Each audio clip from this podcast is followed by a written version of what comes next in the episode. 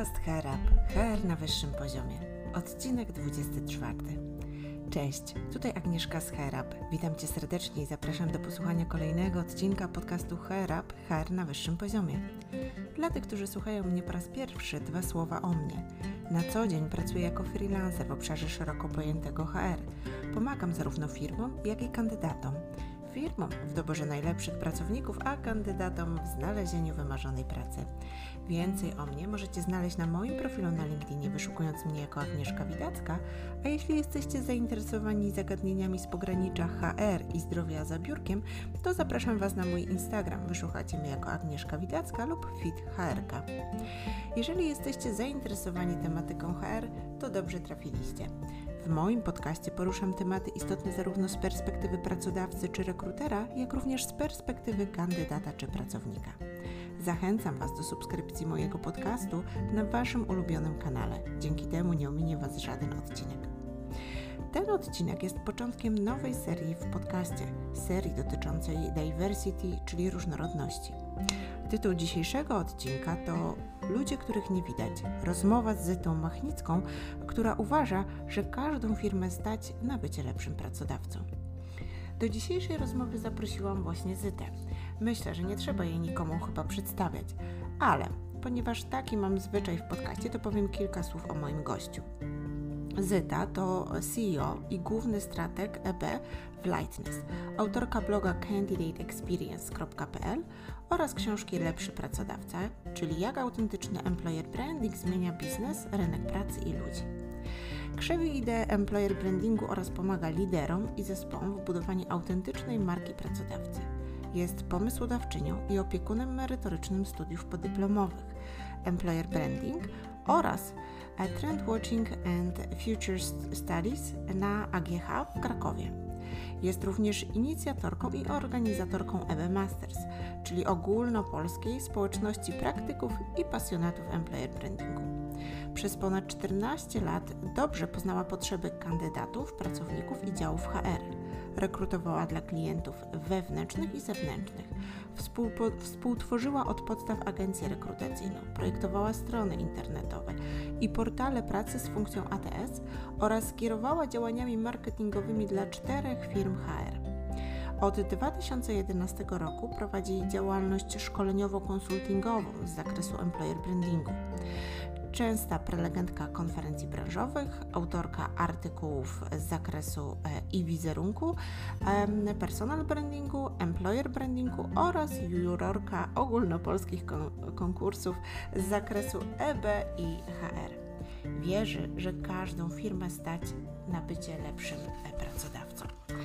A na samym początku wspomniałam o książce Żzyty i właśnie do niej nawiążemy podczas naszej dzisiejszej rozmowy. Serdecznie Was zapraszam. E, cześć Zyto, cieszę się, że jesteś tutaj ze mną w podcaście HR HR na wyższym poziomie. Witaj. Witaj Agnieszko bardzo serdecznie i witajcie drodzy słuchacze. Zyto, tak jak słyszałaś, przed chwilą Cię przedstawiłam i mm, wiem, że można by było tutaj rzeczywiście jeszcze pewnie dużo rzeczy powiedzieć o Twoich aktywnościach, zwłaszcza teraz, gdzie w social mediach tak trochę powiem kolokwialnie, jest ciebie dużo, e, ale powiedz mi, czy jest jeszcze coś, co ty chciałabyś dodać, co jest dla ciebie ważne, a na przykład ja o tym nie wspomniałam? Właściwie chyba powiedziałaś o wszystkich kluczowych tematach, które są u mnie teraz w moim e, właśnie w życiu zawodowym. W, patrząc na, na, to, co jest e, w, w tym momencie najistotniejsze, tak naprawdę prowadzenie Lightness, naszego hubu edukacyjnego, w, w, ramach którego pokazujemy firmom, jak być lepszym pracodawcą e, i dajemy im wiedzę z tego zakresu. I e, książka, e, z, z, okazji której wydania tutaj się, pojawia, tutaj się pojawiła mi książka, o której będziemy rozmawiać też. Nie? Mhm. E, ja, tak jak Ci napisałam, to też o czym rozmawiałyśmy, nie ukrywam, że Twoja e, filozofia dotycząca employer brandingu jest mi bardzo e, bliska. I mimo, że wydawało mi się, że o employer brandingu wiem dosyć dużo, to mimo wszystko sięgnęłam po książkę. Książka Lepszy pracodawca. I tak sobie myślę, że to jest taka lektura, którą e, każdy powinien przeczytać, nawet osoby, które w na employer brandingu zjadły zęby. E, jest tutaj wiele ciekawych rozdziałów o wielu e, tematach, wiele tematów ciekawych poruszasz mm, i można by było dosyć dużo o tej książce mówić, ale ja zdecydowałam się zaprosić Cię i porozmawiać o mm, takim temacie o bardzo tajemniczym tytule, a mianowicie Ludzie, których nie widać. Mhm. Bohaterami tego rozdziału są e, asy, ty ich tak nazywasz, asy. Mm, możesz nam powiedzieć e, więcej, kogo tutaj masz na myśli? Mhm. E, rozdział w, rozdział w książce Lepszy pracodawca, rozdział, o którym wspomniałaś, jest rozdziałem dedykowanym osobom o których e, w kontekście działań pracodawców właśnie na rynku nie słyszymy zbyt wiele. Z jednej strony mówimy o asach. E, w ten, w ten sposób nazwana jest przeze mnie grupa aktywnych seniorów, czyli osób, które e, również na rynku pracy są, dają bardzo dużo dobrego swoim, e, swoim pracodawcom, swoim pracodawcom. Natomiast e, gdy patrzymy na działania z zakresu employer brandingu, nie widzimy na rynku zbyt dużo e, aktywności nakierowanych właśnie na tę, grup, na tę grupę. W, w, przez zagranicę i zresztą też na polskim rynku grupa ta jest również nazywana silversami. Mm, natomiast nie jest to jedyna, nie, nie jest to jedyna mm, jedyny do której odnoszę się w, w, właśnie w tym rozdziale, bo dotykam także e, tematów na przykład osób z niepełnosprawnościami, dotykam e, tematu e, rodziców i tego, w jaki sposób wygląda komunikacja do nich również na rynku pracy, ale nie tylko do mam, ale również do ojców. Dotykam także tematu osób, które mają za sobą albo mają za sobą walkę z nowotworem albo walczą, walczą z nim e, obecnie. Więc e, to są, powiedziała, właśnie grupy osób, na które możemy trafić w naszych organizacjach, zresztą oczywiście nie jedyne, ale grupy osób, które uważamy, że również powinny być istotne z punktu widzenia naszych działań i rekrutacyjnych i naszych działań wizerunkowych, bo gdy patrzymy się na to, w jaki sposób dzisiaj wygląda e, ten nasz polski rynek employer brandingowy, to bardzo dużo jest e, na nim oczywiście też uzasadnionych dyskusji dotyczących chociażby komunikacji z najmłodszymi grupami wiekowymi, aczkolwiek będę się trzymać tego, że jeżeli słyszymy i wiemy też o tym, że jesteśmy e, w społeczeństwie, które się starzeje i wiemy, że w, w naszym kraju, zresztą są takie przewidywania, że e, między innymi, do, że mniej więcej w okolicach 2025 roku e, w naszym kraju będzie 40% właśnie seniorów, tych osób najstarszych także z punktu widzenia naszej komunikacji firmy jako pracodawcy, to uważam, że takie aspekty mhm. powinniśmy wziąć pod uwagę w, w, w tym, co na co dzień robimy, gdy szukamy sposobu na, na to, żeby do nich mówić jako pracodawca i żeby zachęcać, motywować, angażować ich w działania, które mamy u siebie na tapecie. Mhm. No właśnie, e, e, nawiązałaś do e, bardzo ważnej rzeczy, bo mm, sama wspomniałaś, że mm, jak większość z nas myśli o EB, to raczej nasuwają nam się takie kampanie, gdzie widzimy młode twarze, gdzie jest świetna atmosfera, młody zespół.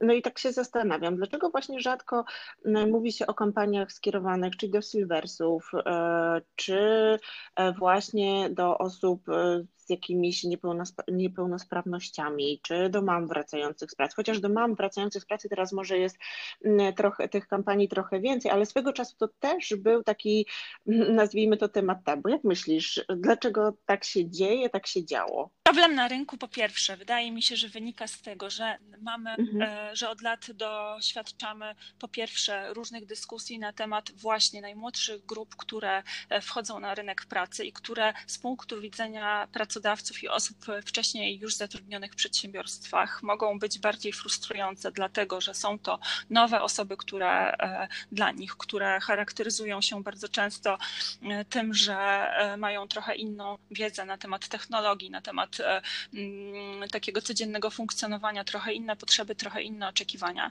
I od lat słyszeliśmy, że jest to, że akurat te najmłodsze grupy wiekowe są najbardziej wymagające dla pracodawców.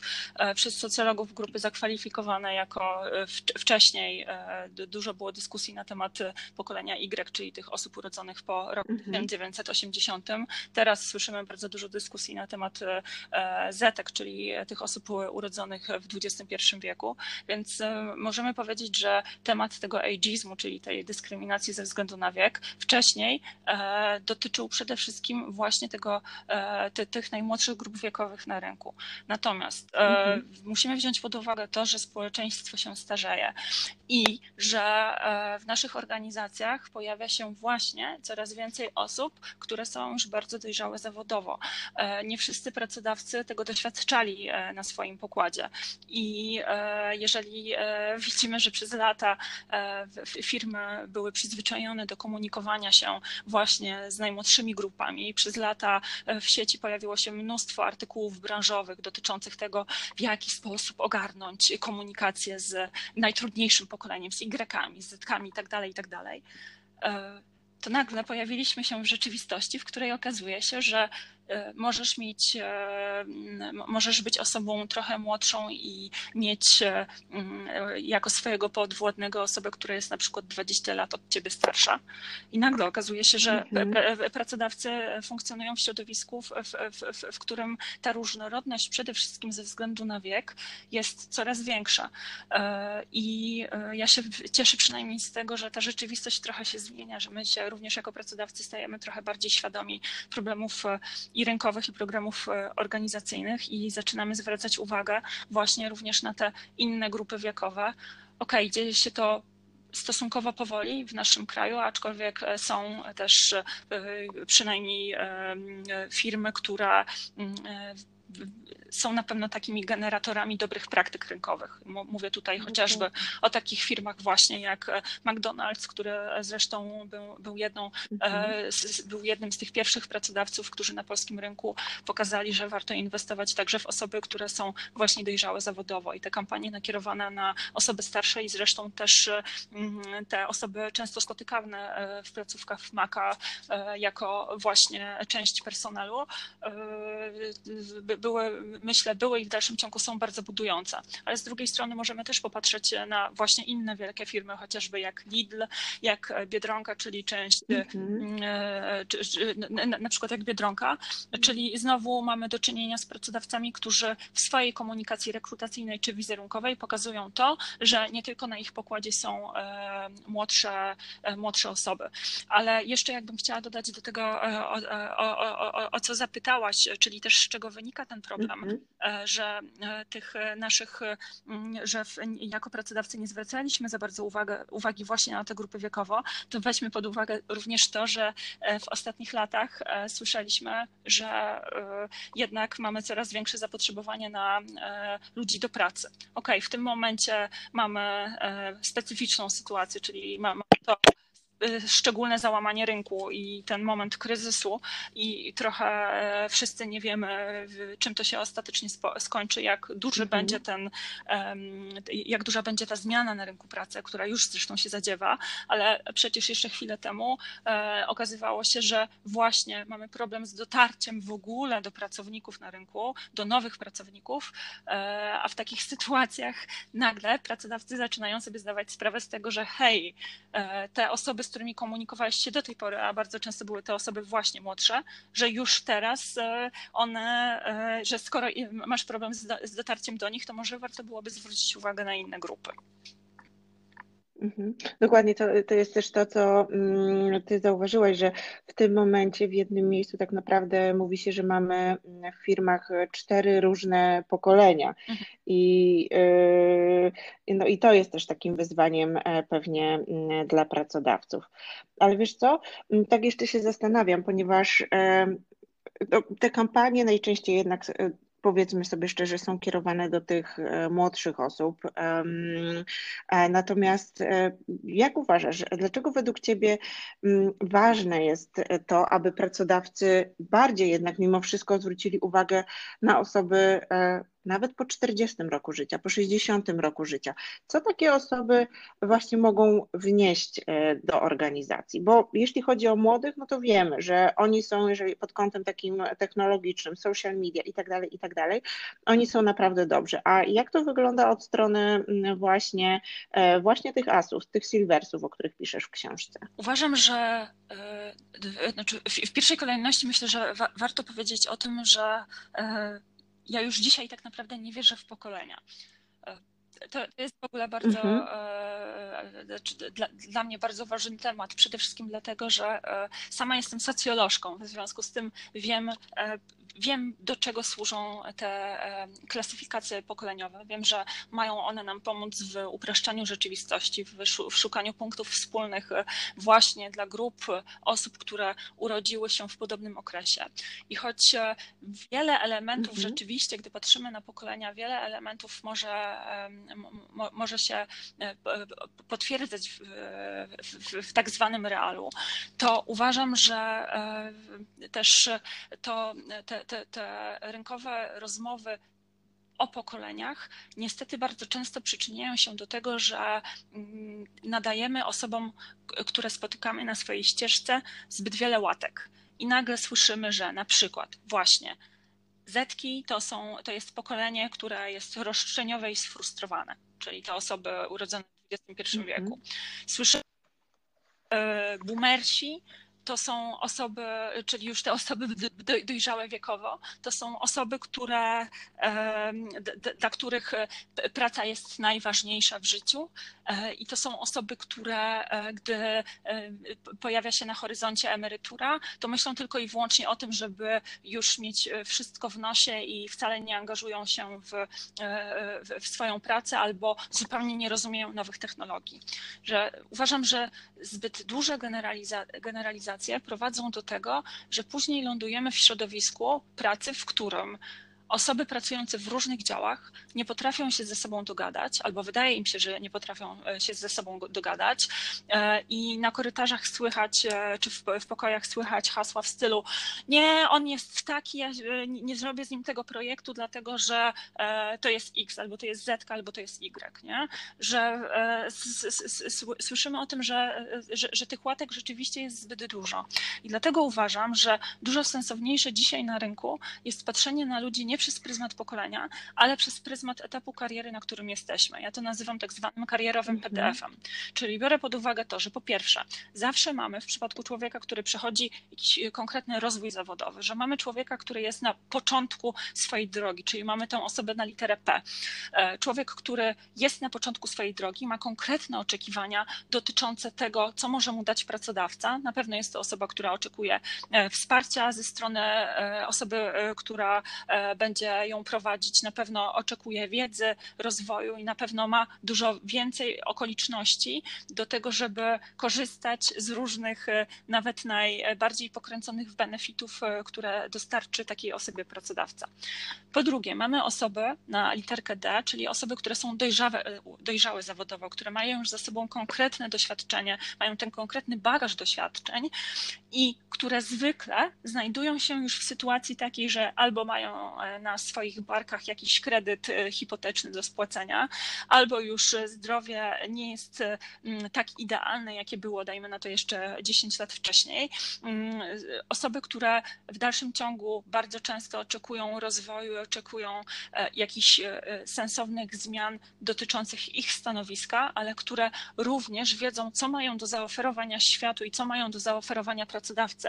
W związku z tym ten właśnie rozwój dotyczący pewnego prestiżu e, tematów, którymi się zajmują, projektów, przy których pracują, jak również e, mm, takie e, docenienie wewnątrz firmy i również elementy, które przekładają się na benefity, czyli bierzemy pod uwagę to, że osoby dojrzałe zawodowe bardzo często znajdują się w sytuacji, w której już mają jakieś osoby zależne. Oczywiście bierzemy pod uwagę to, że osoby będące na mhm. początku swojej drogi też mogą być w takiej w przypadku tych osób dojrzałych zawodowo jednak e, ta, ta, ta, ta zależność też od innych osób jest dużo częstsza. No i mamy w tym karierowym PDF-ie także osoby, które są na literę F, czyli e, które już są na finiszu kariery zawodowej, osoby, które gdzieś tam widzą właśnie na horyzoncie e, już tą emeryturę. I bierzemy pod uwagę to, że osoby właśnie będące na tym finiszu już to doświadczenie życiowe i zawodowe mają naprawdę ogromne. Mają wielki bagaż doświadczeń. W związku z tym oczekują, że pracodawca będzie pamiętał o tym, co wniosły do tej firmy. Oczekują również, że będą, będzie zauważane e, na ich ta wiedza i doświadczenie i że tematy, w których będą uczestniczyć, e, to będą tematy, w których faktycznie te osoby będą się mogły również wykazać, że nie będą gdzieś tam wyrzucane na, na, mhm. na, na, na, na skraj działań pracodawcy. W przypadku tych osób będących na finiszu bierzemy także pod uwagę to, że okej, okay, zdrowie jest już na pewno nie takie jak e, kilkanaście czy kilkadziesiąt lat temu, e, więc e, te oczekiwania właśnie dotyczące tych spraw zdrowotnych, wszelkiego rodzaju ubezpieczenia, też pewność dotycząca kasy, czyli myśl, że jestem już pod mhm. koniec swojej kariery zawodowej, w związku z tym wiem, że ta pewność dotycząca i to bezpieczeństwo dotyczące ciągu dalszego po zakończeniu pracy jest w tym przypadku szczególnie istotne. I gdy patrzymy się na osoby będące na tych e, trzech etapach, to, we, to e, musimy wziąć pod uwagę to, że każdy z nas przechodzi w, e, w, swoim życiu, jeżeli oczywiście dożyje te, te, te, takiego wieku już sędziwego, przechodzi w swoim życiu przez etap początku, przez etap tej dojrzałości zawodowej i przez etap finiszu. Również przez te etapy prawdopodobnie przechodzili nasi rodzice. Również przez te etapy prawdopodobnie przejdą nasze dzieci. I to, co jest ciekawe, to to, że zmienia się technologia, zmienia się, e, zmieniają się uwarunkowania ekonomiczne, kulturowe, e, zmienia się to sposób, w jaki na e, co dzień funkcjonujemy, czy z jakich narzędzi korzystamy, ale etapy, na których jesteśmy i nasze główne oczekiwania wobec pracodawców i naszych współpracowników zwykle są podobne, niezależnie od osobowości naszej, naszego temperamentu i innych aspektów, które są istotne z punktu, właśnie z naszego punktu widzenia. I gdy popatrzymy na ten świat w taki sposób, to nagle dostrzeżemy to, że człowiek, e, który właśnie e, ma już za sobą e, wiele lat pracy, jest powiedzmy między tym etapem dojrzałości a finiszu. Jest to osoba, która ma na pewno ogromną wiedzę, ogromną wiedzę, która ok, w niektórych aspektach już dzisiaj nieaktualna, ale jest to również wiedza, która e, przecież była, e, która się zmieniała na przestrzeni tych lat. Są to osoby, e, czy osoby właśnie z dużym doświadczeniem zawodowym mają za sobą już również wiele, bardzo często także skrajnych sytuacji i zawodowych, i, i prywatnych. W związku z tym te pomysły i sposób reagowania na nawet najbardziej hardkorowe sytuacje w pracy mogą być naprawdę bardzo wzmacniające zarówno dla naszej kultury organizacyjnej, jak i naprawdę dużo wnoszące dla e, zespołu, który pracuje, szczególnie dla młodszego zespołu, który nie ma aż takiego doświadczenia w, w, zawodowego, nawet jeżeli mamy zespół, w którym mamy chociażby e, speca od technologii e, i niech, niech będzie, że będziemy mieli osobę dojrzałą zawodowo, która będzie odpowiedzialna za sprzedaż, to okej, okay, osoba odpowiedzialna za sprzedaż może nie mieć aż takiej wiedzy technologicznej, bo ma wiedzę z innego zakresu, ale jej e, sposób patrzenia na świat i sposób patrzenia także na rzeczywistość firmową może być naprawdę bardzo wzmacniający dla nas.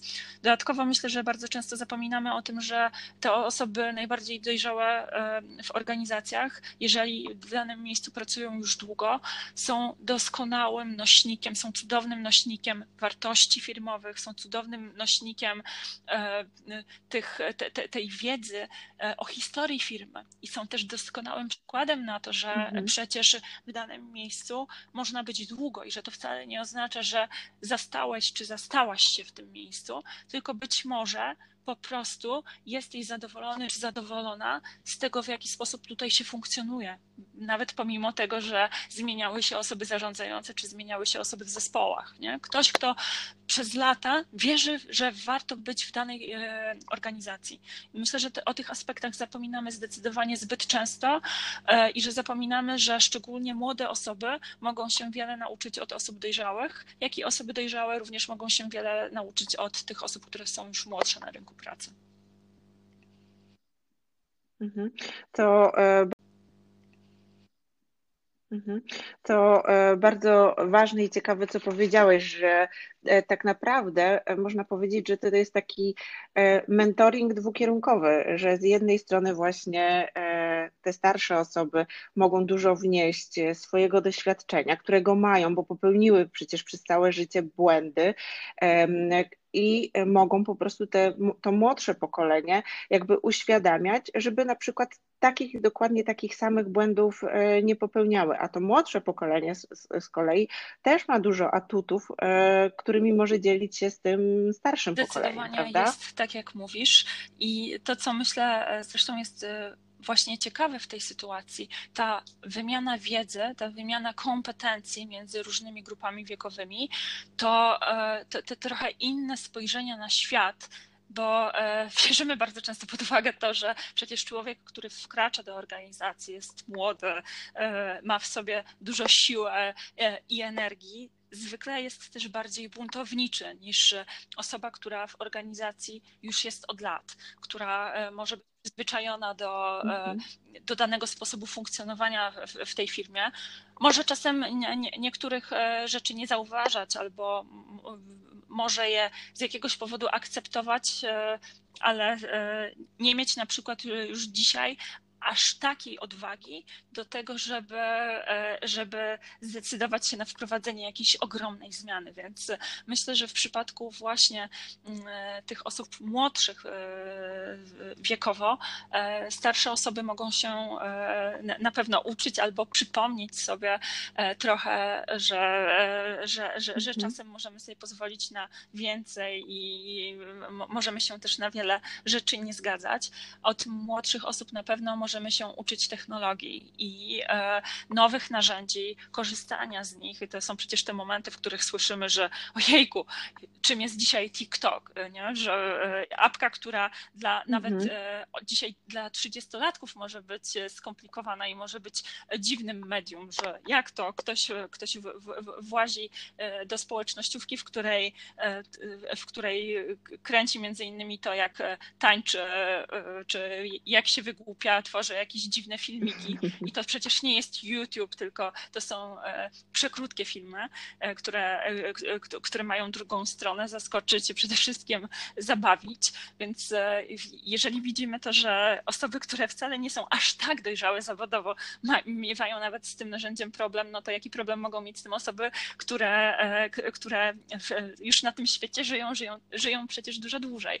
Więc myślę, że to oczywiście też nie oznacza, że tak jest zawsze, bo właśnie przy, e, szczególnie e, to jest mhm. istotne, e, to się zresztą pojawia w, w, badaniach dotyczących tych, dotyczących osób dojrzałych wiekowo, że również zmienia się sposób konsumowania świata, zmienia się sposób doświadczania tego świata i e, że dzisiaj powiedzmy osoby 50 czy 60 plus to nie są wcale osoby, które e, myślą tylko i wyłącznie o tym, że ojejku, zbliża się właśnie ta emerytura, że ja niczego nie chcę. Nie? Że przecież bardzo często to są osoby, które mają już odchowane dzieciaki, które e, mają trochę więcej czasu i sposobności na to, żeby sobie poużywać. W związku z tym również znajdują sposoby na to, żeby wydawać kasę, którą zarabiają u swojego pracodawcy.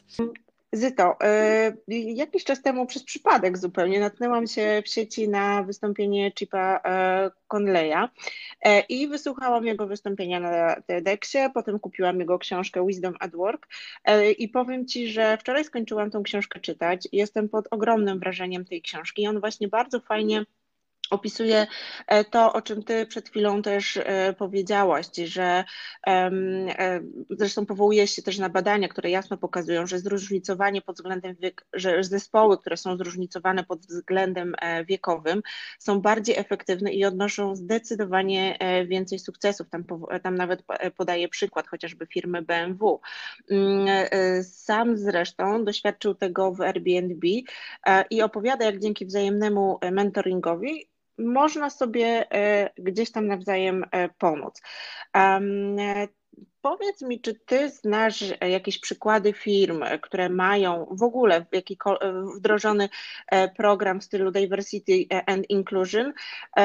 Natomiast chodzi mi od strony właśnie silversów czy asów właśnie tego pokolenia. To jest właśnie ciekawe pytanie, które zadałaś, bo przede wszystkim, gdy słyszymy o programach związanych właśnie z różnorodnością w firmach, to słyszymy o programach, które jednak są albo nakierowane mm, na to, żeby uczyć ludzi tego e, specyficznego języka różnych grup wiekowych, albo żeby otwierać się na e, mhm. E, różne płci w firmach, albo żeby dyskutować na tematy związane właśnie ze zdrowiem.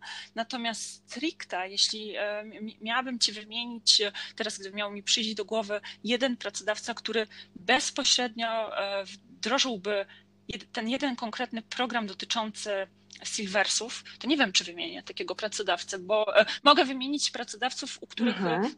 też tych, których zresztą wymieniałam wcześniej, nie? Tych, e, u których widzimy, że prowadzą na pewno działania nakierowane na osoby dojrzałe wiekowo i to był chociażby ten McDonald's, e, Geronimo czy mhm.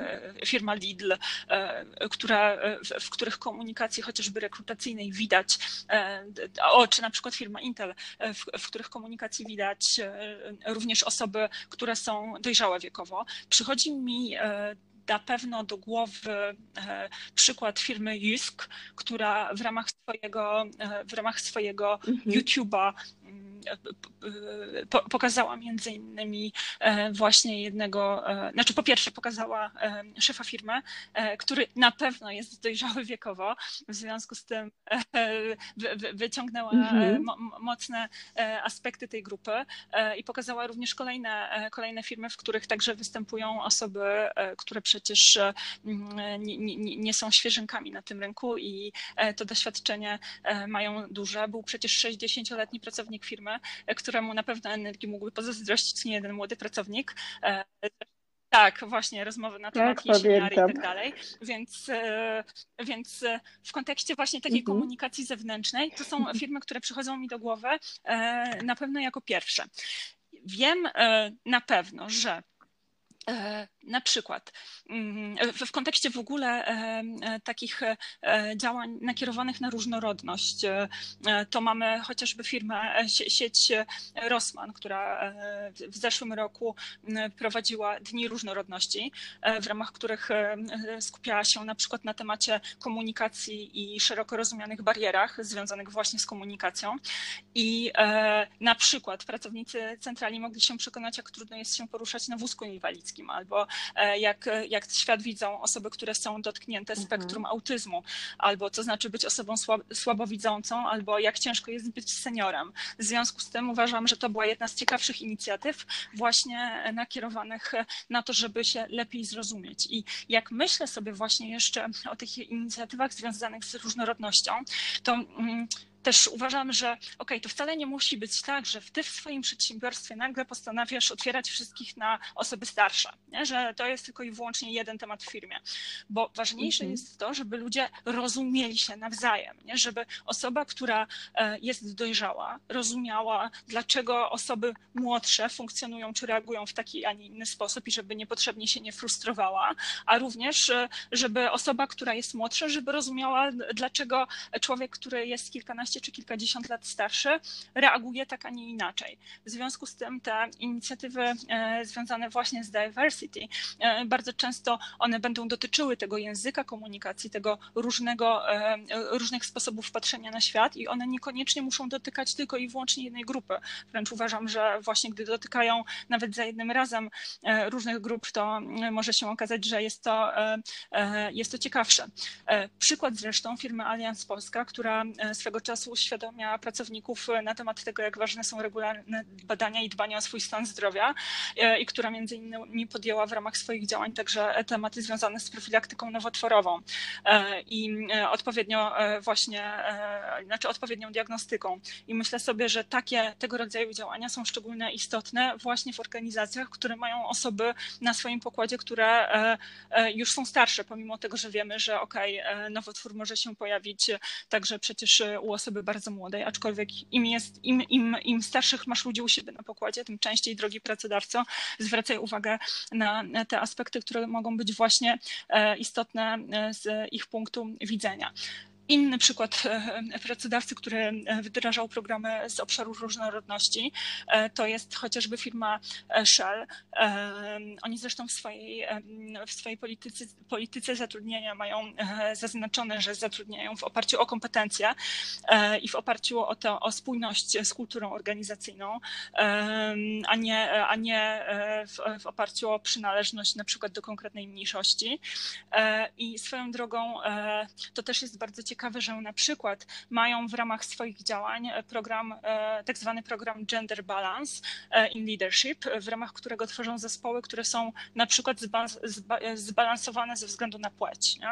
Więc e, okej, okay, powiemy sobie, że dobra, nie jest to temat związany mhm. z silversami, ale jest to temat związany z różnorodnością, a różnorodność dotyczy właśnie różnych aspektów. Więc, mm, więc ma to na pewno duże znaczenie pod kątem tego, jak to w, w organizacji wygląda. E, swoją drogą oni mają też u siebie tak zwany Workplace Accessibility Program, w ramach którego każdy pracownik może zamówić meble i narzędzia, które będą mogły ułatwiać mu pracę i będą dostosowane do jego potrzeb. Więc w pewnym sensie możemy znowu powiedzieć, że to, co robi pracodawca, to pozwala ludziom funkcjonować w taki sposób, w jaki chcieliby, szczególnie e, jeżeli ma u siebie na pokładzie e, grupy, które są różne wiekowo. I też z pracodawców, który, który mi przychodzi do, do uwagi, do głowy, to jest swoją drogą też duża firma, to jest firma Capgemini, z którą zrobiliśmy wspólnie mhm. ciekawy projekt, też związany z podcastami, bo właśnie Capgemini wypuściło na rynek, e, wypuściło na rynek informację o podcaście między innymi, który dotyka, to jest to firmowy podcast, e, który jest prowadzony e, z, przez pracowników firmie, firmy i w ramach tego podcastu są zapraszane osoby z zewnątrz do tego, żeby dotykać różnych tematów. Ale właśnie podcast nazwany między innymi, czyli są rozmowy dotyczące właśnie różnych grup w firmie. I ciekawe, znaczy wspominam o tym dlatego, dlatego że e, e, pierwszy, e, pierwszy, pierwszy odcinek tego podcastu to jest odcinek, do którego właśnie zostałam zaproszona ja i to jest odcinek, na którym właśnie rozmawialiśmy na temat różnorodności Aha. wiekowej w firmie, na temat no właśnie tych nieszczęsnych czy mhm. szczęsnych e, pokoleń e, i, i, i, w ramach tej rozmowy, e, znaczy w tej rozmowie między innymi właśnie uczestniczyła, uczestniczył, uczestniczył jeden z, z, z menadżerów, który właśnie dojrzały wiekowo jest. Więc dla mnie to są przykłady takie, w których faktycznie mhm. można robić coś związanego z różnorodnością, także różnorodnością wiekową na szerszą skalę w ramach przedsiębiorstwa, ale można to robić również w postaci takich trochę mniej mniejszych projektów, które e, będą miały wpływ na to, jak, jak, e, w jaki sposób oni będą się w tej firmie czuli i na ile e, będą chcieli się angażować właśnie w te, w te tematy, które z punktu widzenia pracodawcy rzeczywiście są istotne. Okej. Okay. Ten projekt podcastowy tak, Capgemini tak. to jest coś nowego? Bo nie, nie, nie, słyszałaś, nie słyszałaś jeszcze, bo właśnie, A, coś nowego. Okay. właśnie prawdopodobnie, znaczy właśnie został wypuszczony na rynek, została wypuszczona na rynek zapowiedź dotycząca tego podcastu, więc już na przykład na Spotify'u, na Spotify A, znajdziesz, super. jak wpiszesz mhm. między innymi Capgemini, to już powinnaś zobaczyć zapowiedź tego podcastu. I prawdopodobnie jak wy, wyemitujemy ten odcinek, to już, to już, wiem. Już, już go usłyszysz. Aha, no to super, to cieszę się, to już więcej dzisiaj po południu będę robiła.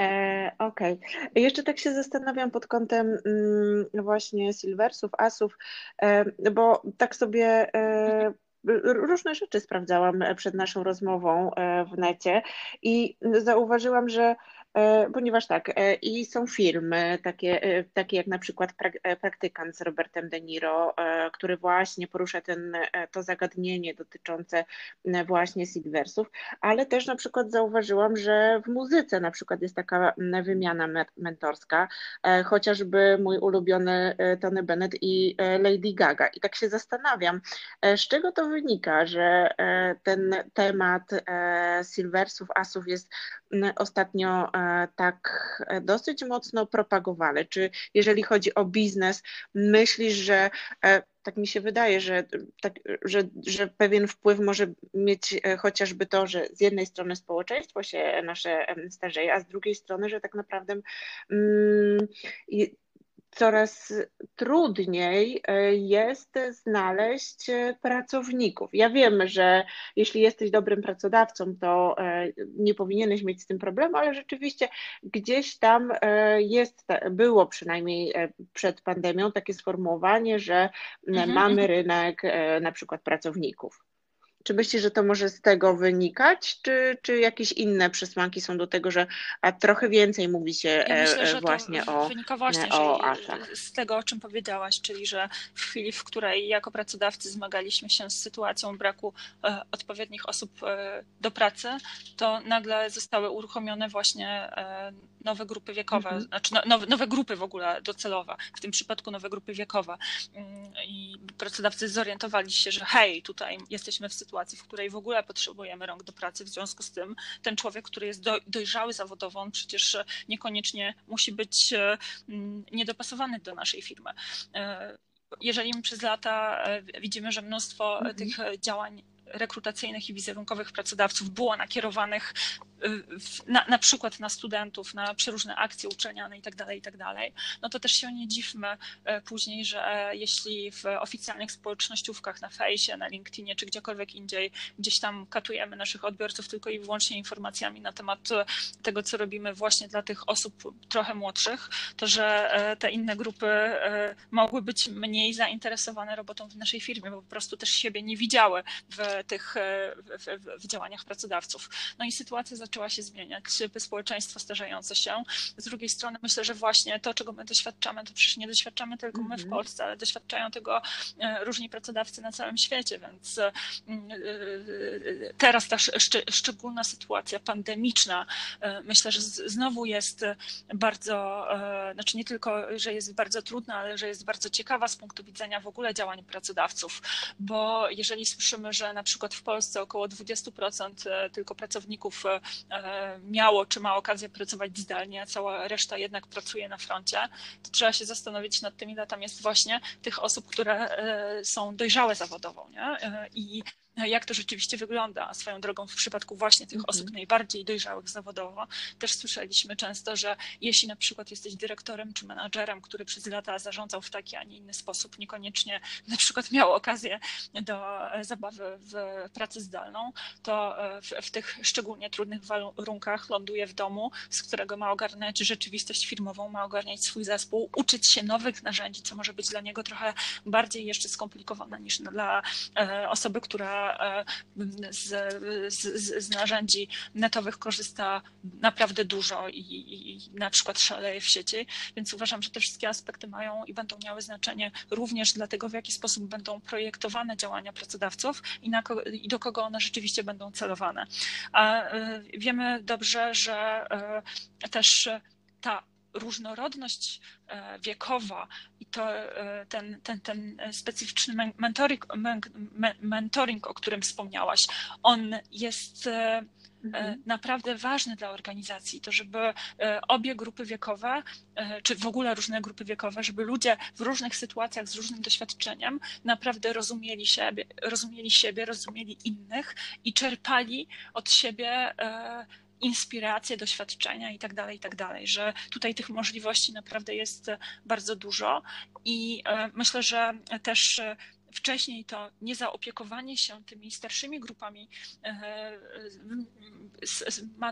miało wpływ na to, że chociażby na LinkedInie przecież obserwujemy coraz więcej też takich sfrustrowanych osób sytuacją, w której no właśnie niejako cała komunikacja albo prawie cała komunikacja pracodawców jest dedykowana e, osobom młodszym nie? i że jak ty masz się, masz się z tym czuć jako człowiek, który ma już naprawdę ogromne doświadczenie i czujesz, że na rynku jesteś w tej grupie, która jest pomijana, więc więc gdy zaczęto to zauważać i gdy też pojawia, pojawiło się coraz więcej mhm. wpisów na ten temat, myślę, że po prostu e, zaczęliśmy e, na to wszyscy zwracać trochę większą uwagę e, i dobrze, że tak się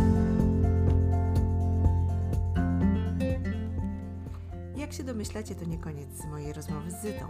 A już za tydzień będziemy kontynuowały ją i tym razem porozmawiamy o osobach z niepełnosprawnością, o kobietach wracających do pracy po dłuższej przerwie, o Fundacji Mamo Pracuj oraz o osobach z chorobą nowotworową. Zapraszam Was bardzo serdecznie, a tymczasem życzę Wam udanego dnia. Cześć!